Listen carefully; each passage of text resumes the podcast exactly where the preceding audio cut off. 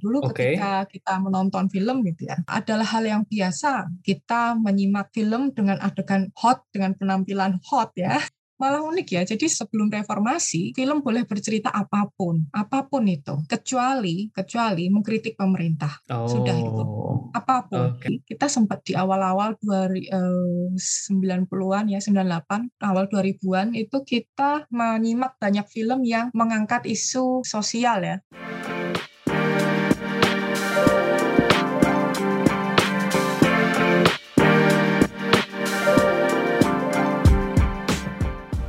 Hai sahabat TCID, kalian sedang mendengarkan podcast Suara Akademia. Ngobrol seru isu terkini bareng akademisi.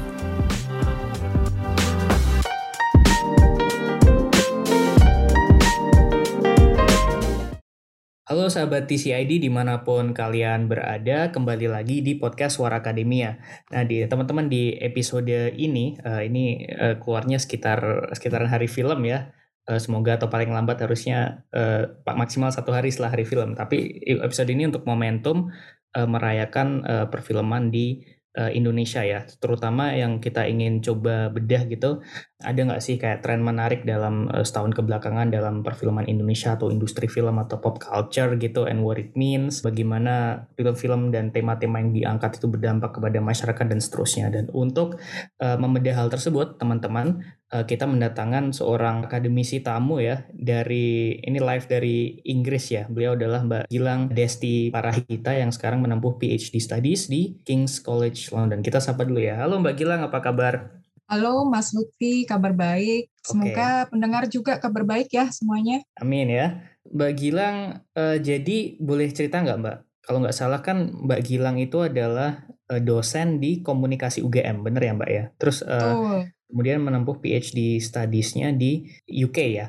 Nah, Iya. eh, buat teman-teman yang mungkin eh, belum kenal dengan Mbak Gilang, boleh jelasin nggak Mbak? Misalnya kayak fokus studies-nya itu eh, apa sih gitu yang selama ini banyak diteliti terkait tema yang akan kita bicarakan hari ini, bagaimana bersinggungannya dengan tema hari ini gitu mungkin.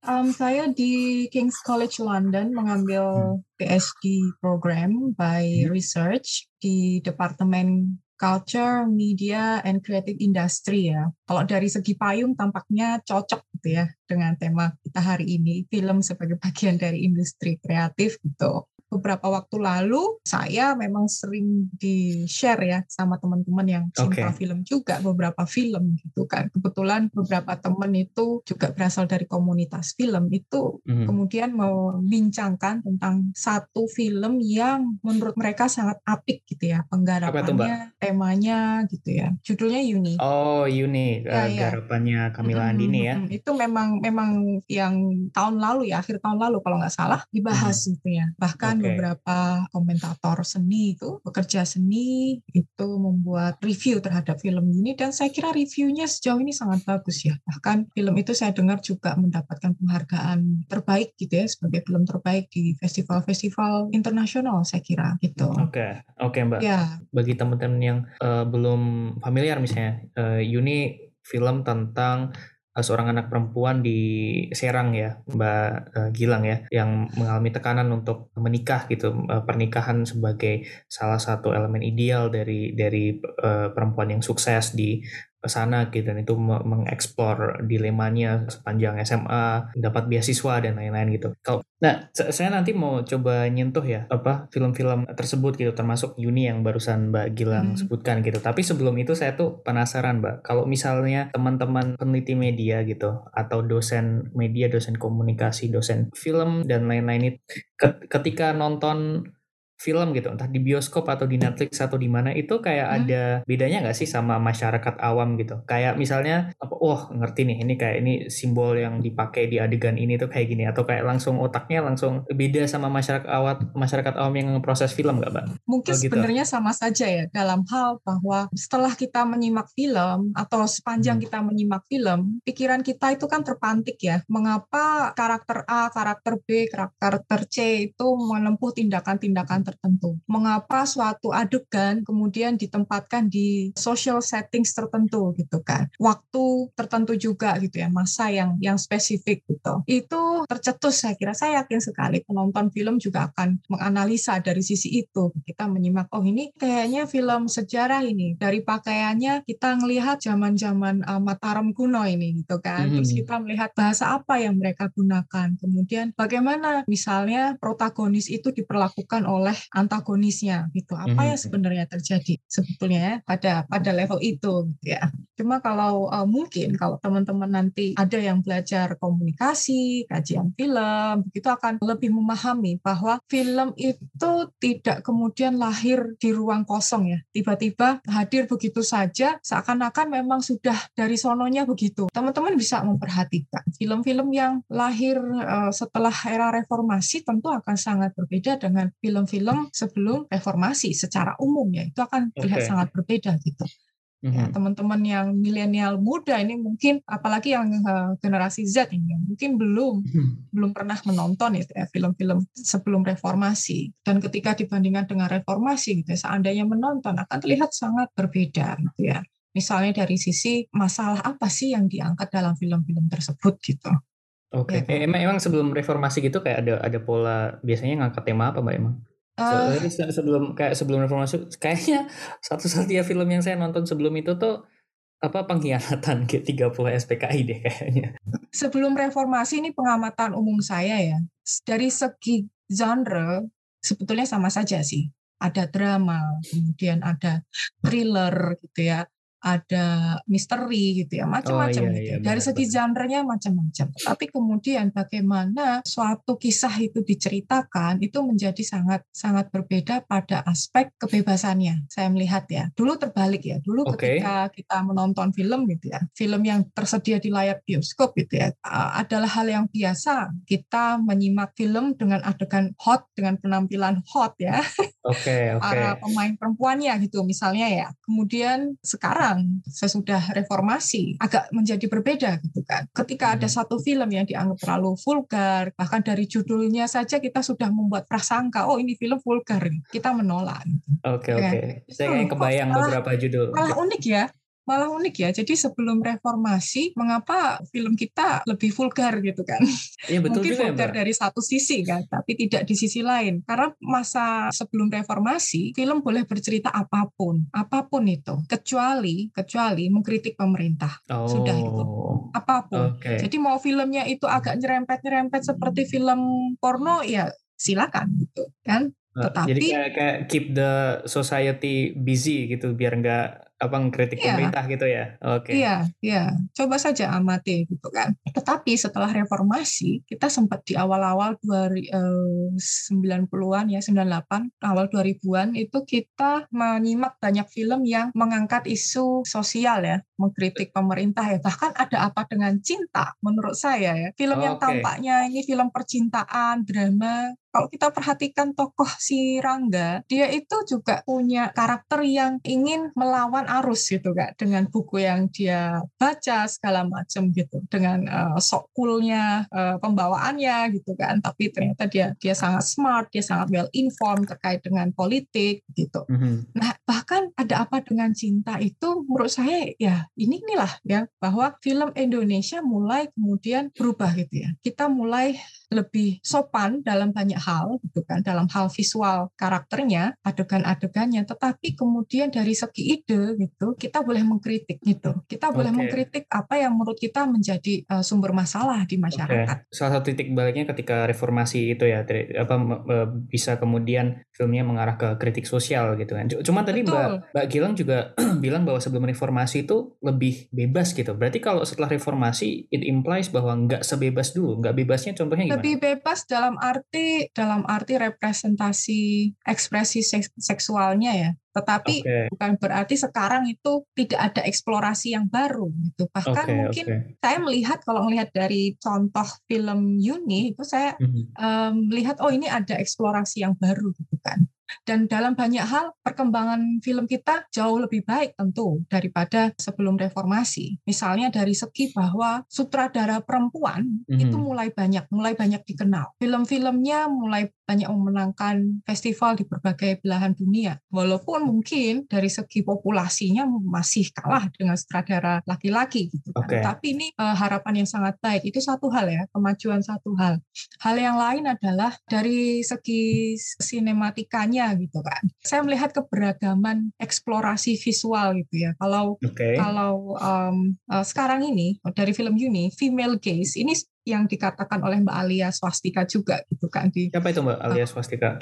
Mbak Alia Swastika ini adalah pengamat seni ya dari Jogja dan beliau juga penikmat film gitu ya. Beliau menulis di salah satu media bahwa uh, female gaze ini dieksplorasi oleh sutradara perempuan uh, yang mengkreasi Yuni, Mbak Mbak Kamila Andini gitu kan. Jadi bagaimana kamera itu berfokus uh, pada bagian belakang tubuh dari pak gurunya Yuni ini. Oh, oke. Okay. Ya kan? Jadi kayak ada, ada reversal ya, kalau dulu kan mungkin kayak male gaze gitu ya ketika. Iya, kalau dulu mungkin dominasinya male gaze gitu kan. Laki-laki terus fokus ada, ke tubuh perempuan, terus dalam Yuni itu ada mengeksplor terbalik ya gitu.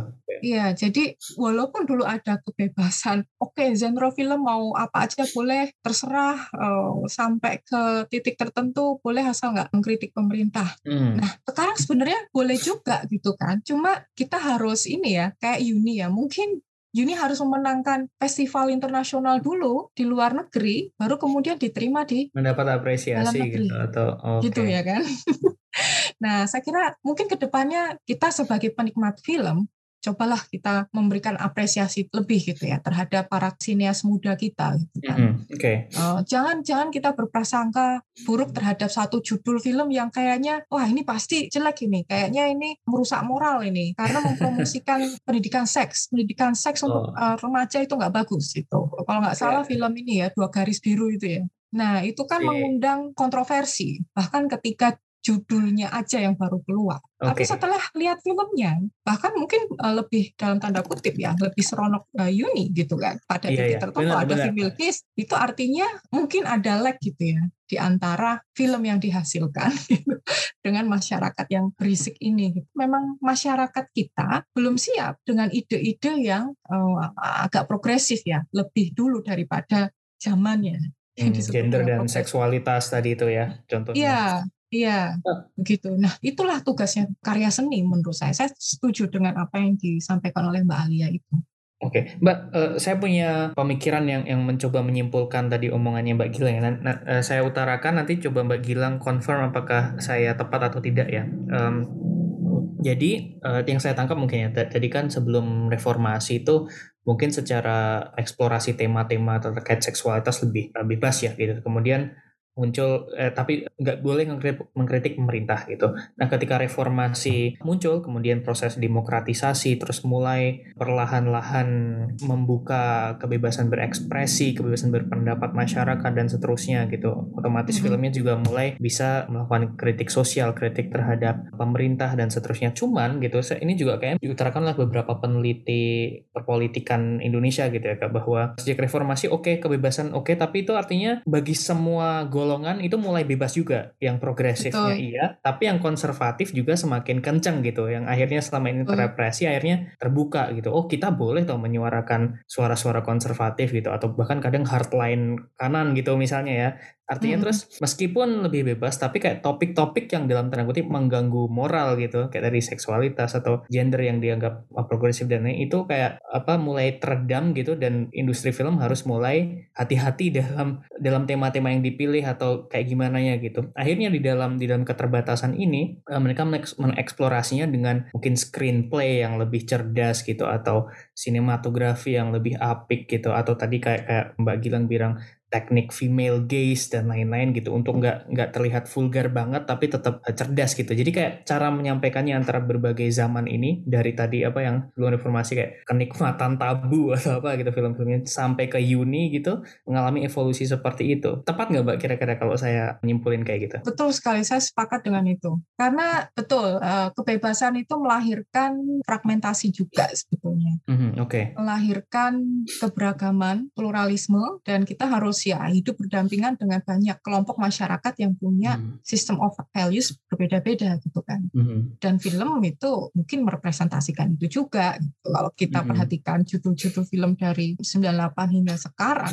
gitu, ya kita akan melihat bahwa film-film yang punya nuansa religi gitu kan, yeah. yang mempromosikan keyakinan tertentu gitu itu juga ditonton oleh jutaan orang. Gitu. Sementara film-film yang terlihat sekuler gitu kan, hmm. itu juga menarik jutaan penonton. Gitu. Tadi Mbak Gilang di awal juga sempat menyebut eh, contoh salah satu film yang lumayan oke okay ya satu tahun ke belakang termasuk Uni gitu. Nah terkait tema tadi itu yang Mbak sebut kayak gender dan uh, seksualitas gitu dan relasi antara eh, gender, ketimpangan kuasa dan lain-lain kekerasan seksual gitu kan tema-tema yang bisa oh. dianggap cukup selama ini cukup tabu tapi itu kayak mulai mulai open up kan ya mbak dan dan itu kayaknya yang, oh. yang juga saya amati dalam dalam tren perfilman at least setahun ke belakang gitu mungkin sebelumnya satu dekade ke belakang juga ada beberapa gitu tapi kayak maksudnya kayaknya saya lihat makin intens gitu setahun ke belakang mm -hmm. dari entah itu dari katakanlah uh, Yuni kemarin terus juga ada kemarin kan fotokopier ya penyalin cahayanya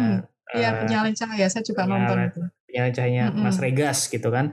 Walaupun itu juga ada kontroversinya ya di timnya gitu. Yeah. Ada juga apa sih namanya? Vengeance is mine, all others pay cash. Seperti mm -hmm. seperti Indah Rindu harus dibayar tuntas gitu yang mm -hmm. diadaptasi dari Eka Kurniawan ya. Uh, mm -hmm. Dan itu juga ada elemen gender dan seksualitas dan kekerasan mm -hmm. seksualnya juga kan di situ dan lain-lain film-film yang lain juga gitu.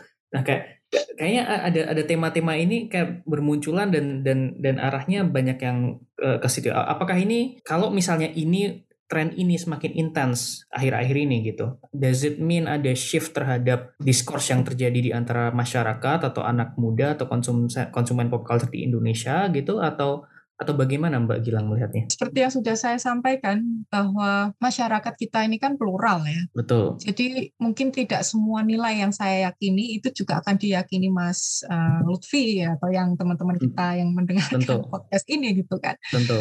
Namun dengan hadirnya film-film yang mulai kemudian membahas gender dan seksualitas gitu, saya kira ini juga berhubungan dengan mulai makin banyaknya gerakan-gerakan masyarakat terkait gender dan seksualitas di hal-hal uh, melalui media yang lain juga. Mm-hmm. Okay. Jadi kita melihat ada aktivisme sosial di media digital gitu kan. Kita melihat ada gerakan feminisme digital di Indonesia terkait dengan uh, upaya untuk mendorong kesetaraan gender di Indonesia dan menguatkan pelindungan terhadap perempuan dan pencegahan kekerasan terhadap perempuan di Indonesia melalui mm-hmm. rancangan uh, undang-undang PKS itu ya. Selain memang aksi-aksi real yang lain dilakukan oleh lembaga-lembaga pelindungan perempuan, anak maupun uh, lembaga-lembaga yeah, yeah. pro gender equality lainnya itu akhir-akhir ini kan juga makin menguat ya tiga tahun empat tahun lima tahun belakangan lah terutama ketika RUU PKS ini menjadi kontroversi di DPRD jadi hmm. DPR MPR pusat ya bahwa masih menjadi masalah loh ini persoalan gender based violence jadi tidak hanya terhadap perempuan sebenarnya violence itu gitu ya. tetapi juga terhadap laki-laki maupun ya non binary people gitu kan Betul. di Indonesia Nah, itu real terjadi dan itu juga real dibahas di lembaga uh, legislatif kita gitu kan. Artinya memang masalah ini masih ada. Teman-teman mm -hmm. yang mendengarkan mungkin mungkin melihat masalah ini juga muncul di kehidupan sehari-hari gitu kan. Mungkin juga tidak, tergantung di mana kita lahir uh, hidup dibesarkan gitu kan. Mungkin untuk masyarakat urban pengalaman-pengalaman kita sebagai perempuan, laki-laki, non binary itu tidak terlalu mengekang gitu kan. Mm-hmm. Kita bebas mengekspresikan identitas gender kita. Kita bebas membuat pilihan apa pun terhadap hidup kita. Jadi sosok seperti Yuni ya yeah. kan yang ternyata di daerah rural juga ada dinamika seperti itu yang selama ini jarang ya, terungkap ya. Ini kan ini settingnya rural, sangat rural gitu kan. Hmm. Ini tidak bisa demikian gitu ya, bahwa tidak ada pilihan yang bahkan pilihan neoliberal itu nyaris nggak ada. Pilihannya hanyalah melanjutkan hidup sebagai perempuan yang menikah itu ketika kamu ingin menjadi berharga di masyarakat nah, di masyarakat tersebut gitu kan. Itu satu-satunya pilihan. Nah, yang ada sisanya adalah sub pilihan mau pilih suami yang mana, mau memilih pelamar yang mana gitu kan apakah pelamar yang uh, pertama, kedua, atau yang ketiga gitu. Mm-hmm. Nah, hanya sebatas itu pilihannya. Dan saya senang ini juga muncul ya dalam film akhir-akhir ini. Jadi nggak hanya Yuni, tadi Mas Lutfi juga menyebutkan contoh-contoh yang lain. Mungkin karena di kelompok-kelompok tertentu ya, mm-hmm. kita sudah mulai gelisah gitu ya dengan situasi real yang dihadapi para perempuan dan sebenarnya gender mana pun di Indonesia bahwa memang ketidaksetaraan itu terjadi. Cuma nggak pernah ada yang menunjukkan gitu ya sejauh mana dampak ketidaksetaraan itu ya terhadap dimensi kehidupan yang lain gitu kan. Mm-hmm. Nah itu okay. yang yang Nah, kadang-kadang kita tidak perlu menjelaskan ketidaksetaraan itu dengan data-data. Misalnya, oh pendapatan perempuan di usia yang sama dengan laki-laki hanya hanya 50 persen ya, atau bahkan 30 persen ya. Karena sisanya 70 persennya dihabiskan untuk keluarga ya, untuk suami dan anak-anaknya, komunitasnya. Mm-hmm. Seandainya ada yang menghitung itu dan kita sodorkan, apakah kemudian itu juga akan menyadarkan masyarakat? Mungkin juga tidak gitu. Yeah. Tetapi melalui film gitu kan, ya kita kemudian merasa bahwa oke, okay, ini bukan sesuatu yang menggurui ya, melainkan kenyataan yang kita sendiri merasakannya gitu ya. Mm-hmm. Merasakannya dalam bentuk yang berbeda mungkin ya kan saya melihat hmm. Yuni saya tidak mengalami apa yang dialami Yuni secara sama persis gitu ya teman-teman di sini mungkin juga tidak mengalami pemaksaan ya harus menikah setelah lulus SMA eh, secara persis tetapi saya merasakan bahwa ya sebagai perempuan itu usaha kita untuk maju untuk di diakui kata-kata kita ya untuk kita ini mendapatkan pendidikan itu usahanya harus dua kali lebih kuat daripada laki-laki gitu. Nah itu kan relate gitu. Ada elemen empati antara audiens dan layar ya artinya ya. Iya betul betul. Uh, saya kira film yang yang baik seperti itu ya. Film yang baik itu tidak pernah yang betul-betul terlepas dari realitas ya, terlepas hmm. sampai ya. Mungkin bahkan ya, bahkan ketika kita bicara film genre fantasi, gitu kan, genre fantasi pasti ada penjelasan-penjelasan mengapa itu terjadi, walaupun tidak ini ya secara ilmiah tidak bisa dibuktikan gitu ya. Tetapi hmm. kita tahu ini genrenya fantasi dan kita siap untuk dibohongi gitu ya. Tetapi film se, uh, bergenre drama, terutama main ya jadi kita hmm. membaca film itu kan harus mengenali gender sebaiknya sih mengenali gendernya dulu dan ekspektasinya sejauh mana oke okay, eh, ketika film ini drama kita ya sebagai kita tahu ini adalah karya bukan bukan faktual ya ini adalah hmm. fiksional. Kita tahu kita siap untuk dibohongi oleh film itu gitu ya.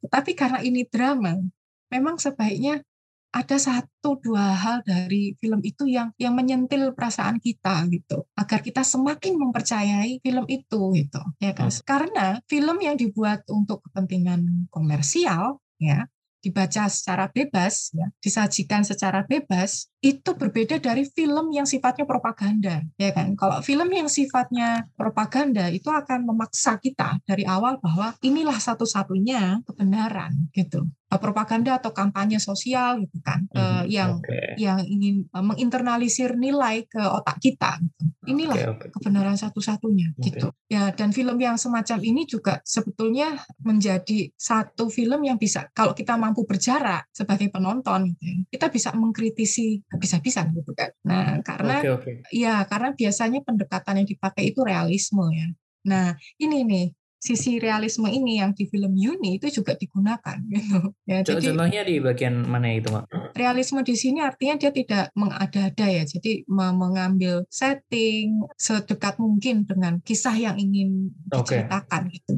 Jadi kalau itu memang diserang ya ambil syutingnya di Serang gitu, ya kan? Okay. Nah, um, jadi, jadi walaupun walaupun tadi Mbak Gilang bilang ada apa sih suspension of disbelief tadi itu ya. Uh, yeah. Tapi apa berbagai pengungkapan tema sosial maupun latarnya itu yang membuat kita kemudian lebih dekat lagi dengan filmnya gitu ya. Betul. Bahkan bahasa yang digunakan gitu. Oh um, iya iya. Iya, bahasanya bahasa lokal gitu kan. Kita merasakan, oh iya ini film ini believable gitu kan. Nah, ini yeah, uh, sementara film-film yang lain ya, kadang-kadang film Indonesia itu masalahnya menurut saya adalah bagaimana para aktor dan aktris itu berbicara gitu ya. Jadi kadang-kadang kayak kaku kita banget merasa itu. oh, kayaknya kita di kehidupan sehari-hari nggak pernah Nggak pernah kayak gitu. gitu. Oh. Iya kan? kayaknya terlalu bukan masalah terlalu ini ya berbahasa baku atau bagaimana Oke. bukan gitu. Tapi kadang kita merasa oh ini tidak terlalu believable gitu. Oke ya, oke. jadi eh, ya memang banyak faktor bisa jadi karena faktor aktingnya dan segala macam naskahnya segala macam atau kita ingin melihat diri terlihat di layar gitu ya. Kita kan sebagai Oke. penonton sering ya mengidentifikasi Oke. diri gitu ya ke tokoh dalam film gitu terus kita memaksa tokoh dalam film itu harusnya kayak saya gitu.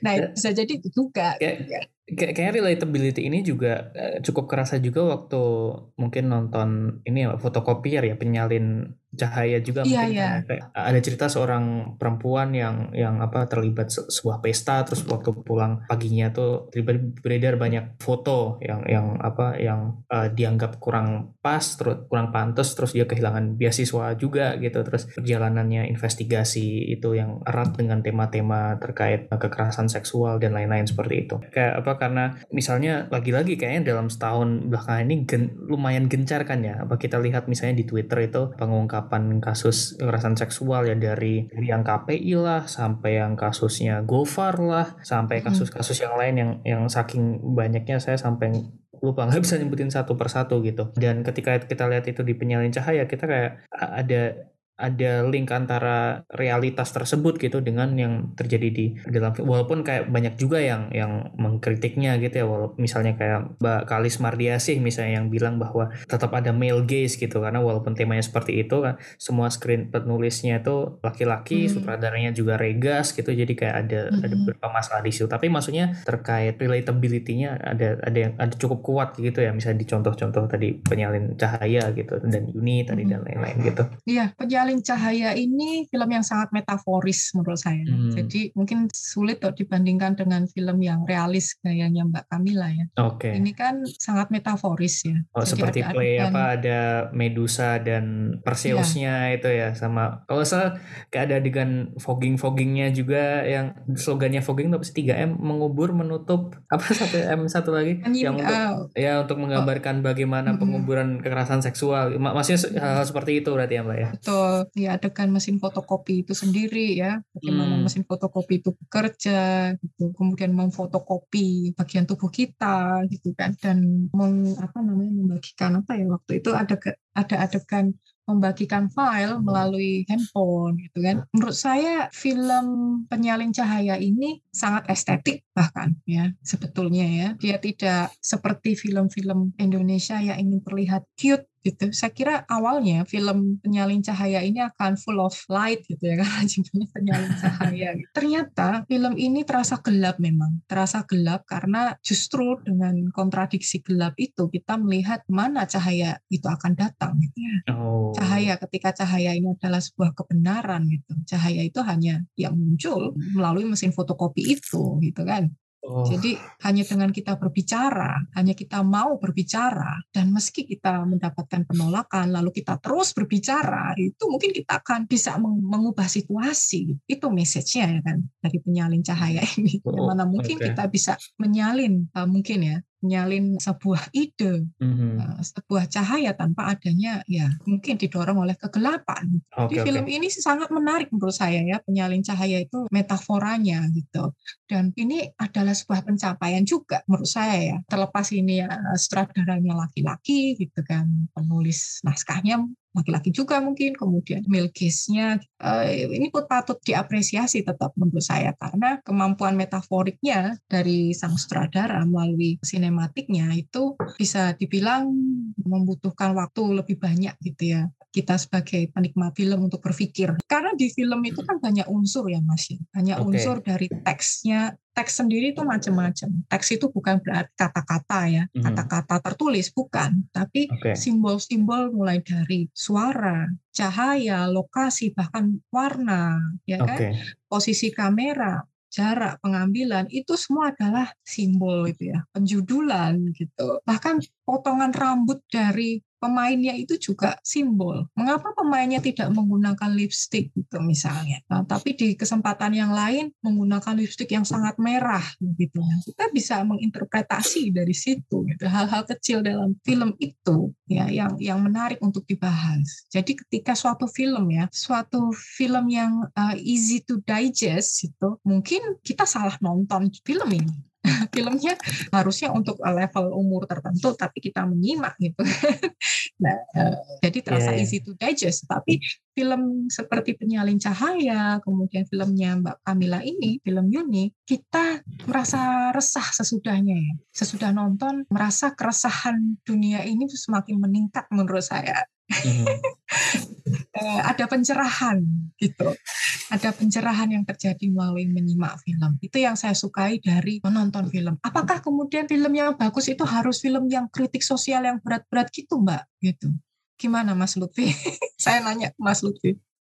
Kalau jawaban saya sih uh, kayaknya nggak nggak selalu ya mungkin kalau yang mm-hmm. apa clearly kritis kayak gitu karena mm. banyak juga film kan tujuannya macem-macem ya kayak Betul. bisa jadi kayak ada elemen entertainmentnya di sana gitu ada artistiknya gitu yang yang nggak terlalu mengarah ke criticism gitu but I think mm-hmm. it's always good kalau uh, apa pun tujuan atau akhirnya media yang tampil di layar perak gitu. I, I think it's good kalau ada sesuatu yang at least bisa selalu diambil oleh audiens gitu. Nggak nggak mesti itu berarti pesan kritik sosial ya but something that they can bring from the screen pulang gitu. Mungkin kayak gitu oh. gitu jawaban saya mbak. Iya awam saya. saya sepakat. Mungkin fil, dua film yang kita bahas itu contoh ekstrim ya Contoh ekstrim memang kayaknya film ini ngangkat persoalan sosial yang sudah mengakar kuat di masyarakat kita. Tapi banyak juga film-film Indonesia yang tidak harus melabeli dirinya sebagai atau dengan sengaja sebagai kritik sosial, tapi beberapa dialog misalnya menunjukkan oh iya ya betul juga ya ternyata di Indonesia ini masih ada stereotip di kalangan masyarakat tertentu itu terkait hmm. identitas ras, identitas agama mungkin ya kan. Hmm. Dan di dalam film hal itu disinggung gitu ya. Sang tokoh melawan itu gitu misalnya. Nah, itu adalah sebuah cara untuk oke, okay, kita berefleksi. Kita sebagai penonton kemudian merefleksikan kalimat itu gitu ya. Bahwa si ya, protagonis ini tidak suka disebut, disebut sebagai Cina mata duitan misalnya. Mm-hmm. Gitu misalnya kan. Oh, uh, karena ya karena oh oke okay, betul juga ya masyarakat kita sering menstereotipkan kelompok masyarakat tertentu sebagai ABC itu tapi mereka nggak suka dengan stereotip itu tidak benar namanya stereotip itu kan hmm. penuh dengan prasangka dan mengeneralisir misalnya ya kan nah hal-hal itu coba kita selipkan gitu ya di film-film kita ya uh, saya pingin deh melihat Indonesia ini punya karakter film yang khas ya, yang yang oke okay lah kita mengenal Bollywood ya. Bollywood films tanpa tarian rasanya kurang. Hmm. Tapi di Bollywood di Bollywood films itu memang temanya beragam, mulai dari yang kritik sosial sampai yang nggak ada kritiknya sama sekali gitu ya, uh, sampai yang benar-benar bias elit gitu ya banyak gitu. Nah tapi setidaknya oke, okay, no music no film gitu kalau di Bollywood. Uh, film Korea ya kita melihat ya selalu ya di awal adegan itu membuat jalinan konflik yang kuat gitu ya. Eh, entah itu pertentangan masa lalu masa kini atau child apa isu masa kecil yang terbawa hingga dewasa atau apa pun itu lalu kemudian eh, masalah itu menggelinding sampai tokoh itu beradegan masa sekarang gitu. Itu film-film Korea ya eh, yang sangat saya melihat ya lebih inklusif ya. Kadang-kadang isu hubungan orang tua dan anak anak. Nggak, hmm. harus selalu di cerita atau storyline atau tema, tapi bisa sebenarnya kayak lesson learn-nya tuh bisa masuk di dialog lah atau mungkin karakter atau latar dan lain-lain kayak yang tadi Mbak Gilang bilang ya tadi ya. Oke. Okay. Iya. Nah, oke okay, Mbak. Saya punya dua pertanyaan terakhir aja gitu sebelum kita tutup gitu. Yang pertama adalah tadi kan Mbak Gilang sudah sempat menjelaskan kayak kaitannya antara diskurs yang berkembang di masyarakat bagaimana itu mempengaruhi agenda perfilm atau kayak tren perfilman dan bagaimana itu juga berdampak lagi kepada masyarakat kayak gitu ya, ya antara layar dan juga audiens gitu. Tapi bisa ini nggak mbak? Tadi kan mbak bilang pen, uh, apa meneliti industri kreatifnya juga, industri filmnya juga gitu mungkin ya. Apakah bisa kayak eh, perkembangan-perkembangan eksplorasi tema ini juga mempengaruhi attitude dari industri filmnya gitu. Kayak misalnya kayak ini saya lihat nggak tahu ya, saya lihat kemarin kayak yang di penyalin cahaya ini ya bahwa tren gender yang progresif dan lain-lain mulai nggak tabu membahas kekerasan seksual terus mengaruhi attitude krunya dalam memproses apa salah satu penulisnya yang yang dianggap terlibat kekerasan seksual gitu. Lebih ya, apa iklim kru dan iklim industri film yang lebih progresif gitu. Ada nggak relasi antara itu dengan industrinya gitu? Um, mungkin ada ya ketika para pemilik modal ini melihat bahwa ternyata film-film progresif itu laku. Nah, okay. ketika laku, maka logika pasar di situ bermain gitu. Yang mungkin menjadi patut dicurigai adalah ketika isu-isu sosial ini hanya menjadi tempelan yang tidak bermakna gitu Token, dalam ya? sebuah ya? film ya hanya sebagai sebuah token gitu, hanya sebagai prasyarat hmm. agar filmnya dibilang baik gitu kan. Tetapi tidak kemudian apa betul-betul secara tulus ya, secara tulus memang itu menjadi masalah, masih menjadi masalah di masyarakat kita. Gitu. Kalau hanya menjadi tempelan, itu hanya nggak ubahnya hanya seperti gaya hidup aja, bukan sebagai sebuah nalar nalar hidup ya kan. Ketika kita tahu ada suatu ketimpangan di masyarakat dan itu menjadi nalar dalam film, kita akan melihat oke okay, film ini memang jujur, memang kenyataannya seperti itu. Contohnya di setiap film yang menampilkan adegan ada polisi mm-hmm. atau sinetron ya, terutama mungkin di sinetron ya.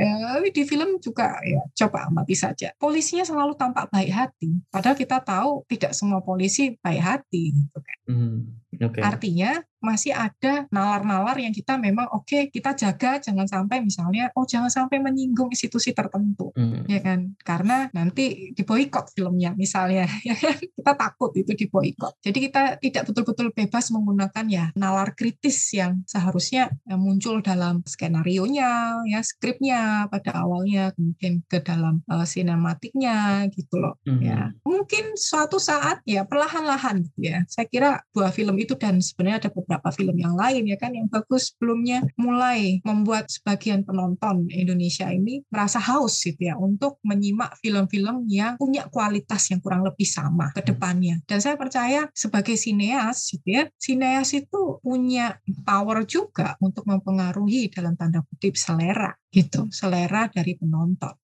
tentu memang harus ya untuk saat saat saat ini harus menggunakan trik ini ya trik ya menang di festival terlebih dahulu begitu ya okay. Eh, atau gimmick-gimmick yang lain gitu kan mungkin ketika misalnya film dua garis biru gitu ya settingnya tidak di Jakarta misalnya, misalnya di lebih pelosok lagi gitu ya, itu mungkin akan jadi masalah gitu kan ketika lah ini tempat kita nggak seperti itu atau bagaimana gitu ya. Artinya film yang baik pun tetap bersandar pada riset yang baik juga gitu. Jangan salah gitu ya.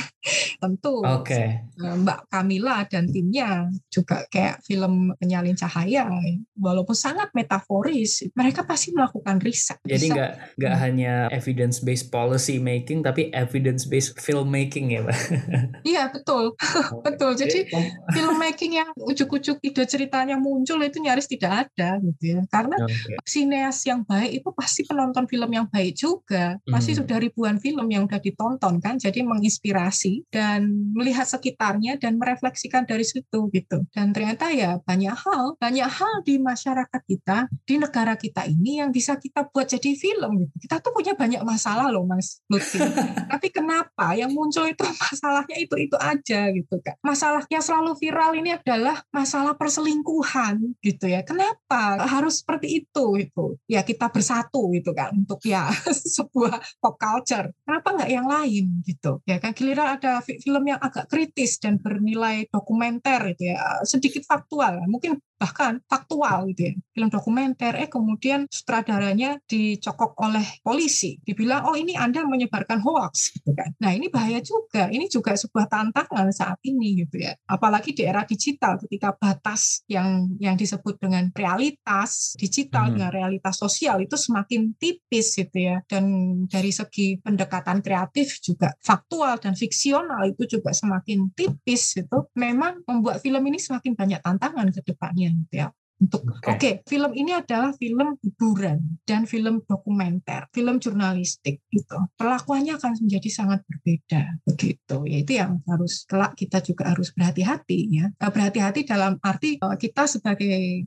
penikmat film, sineas, dan pendukung industri film, jangan sampai post-truth culture ini membuat industri film kita tidak berkembang gitu. Oke, kayaknya kayaknya itu adalah pesan yang cukup baik tuh and this discussion ya Mbak hmm. Gilang tadi. Terima kasih banyak Mbak Gilang udah sharing-sharing ya terkait tadi di awal udah bagaimana film berkembang gitu terkait tema-tema tertentu dan ekspresinya sejak sebelum reformasi sampai sekarang gitu kita membahas beberapa film yang keluar akhir-akhir ini termasuk Uni dan Penyalin Cahaya dan kita juga tadi membahas semiotika dan simbologi dalam film dan kemudian masa depan perfilman di Indonesia bersama Mbak Gilang. Makasih ya Mbak sudah bersedia untuk ngobrol sama kita dan semoga teman-teman yang di rumah enjoy dan dapat manfaat juga dari obrolan tadi ya. Thank you banget. Terima Mbak kasih Gilang. Mas Lutfi. Semoga yang kita obrolkan ini bermanfaat. Nah, buat teman-teman jangan lupa juga untuk ikuti terus The Conversation Indonesia, analisis dan tulisan dan podcast-podcast kami yang akan uh, kami rilis ke depannya bersama bersama para akademisi-akademisi Indonesia. Terima kasih, sampai jumpa.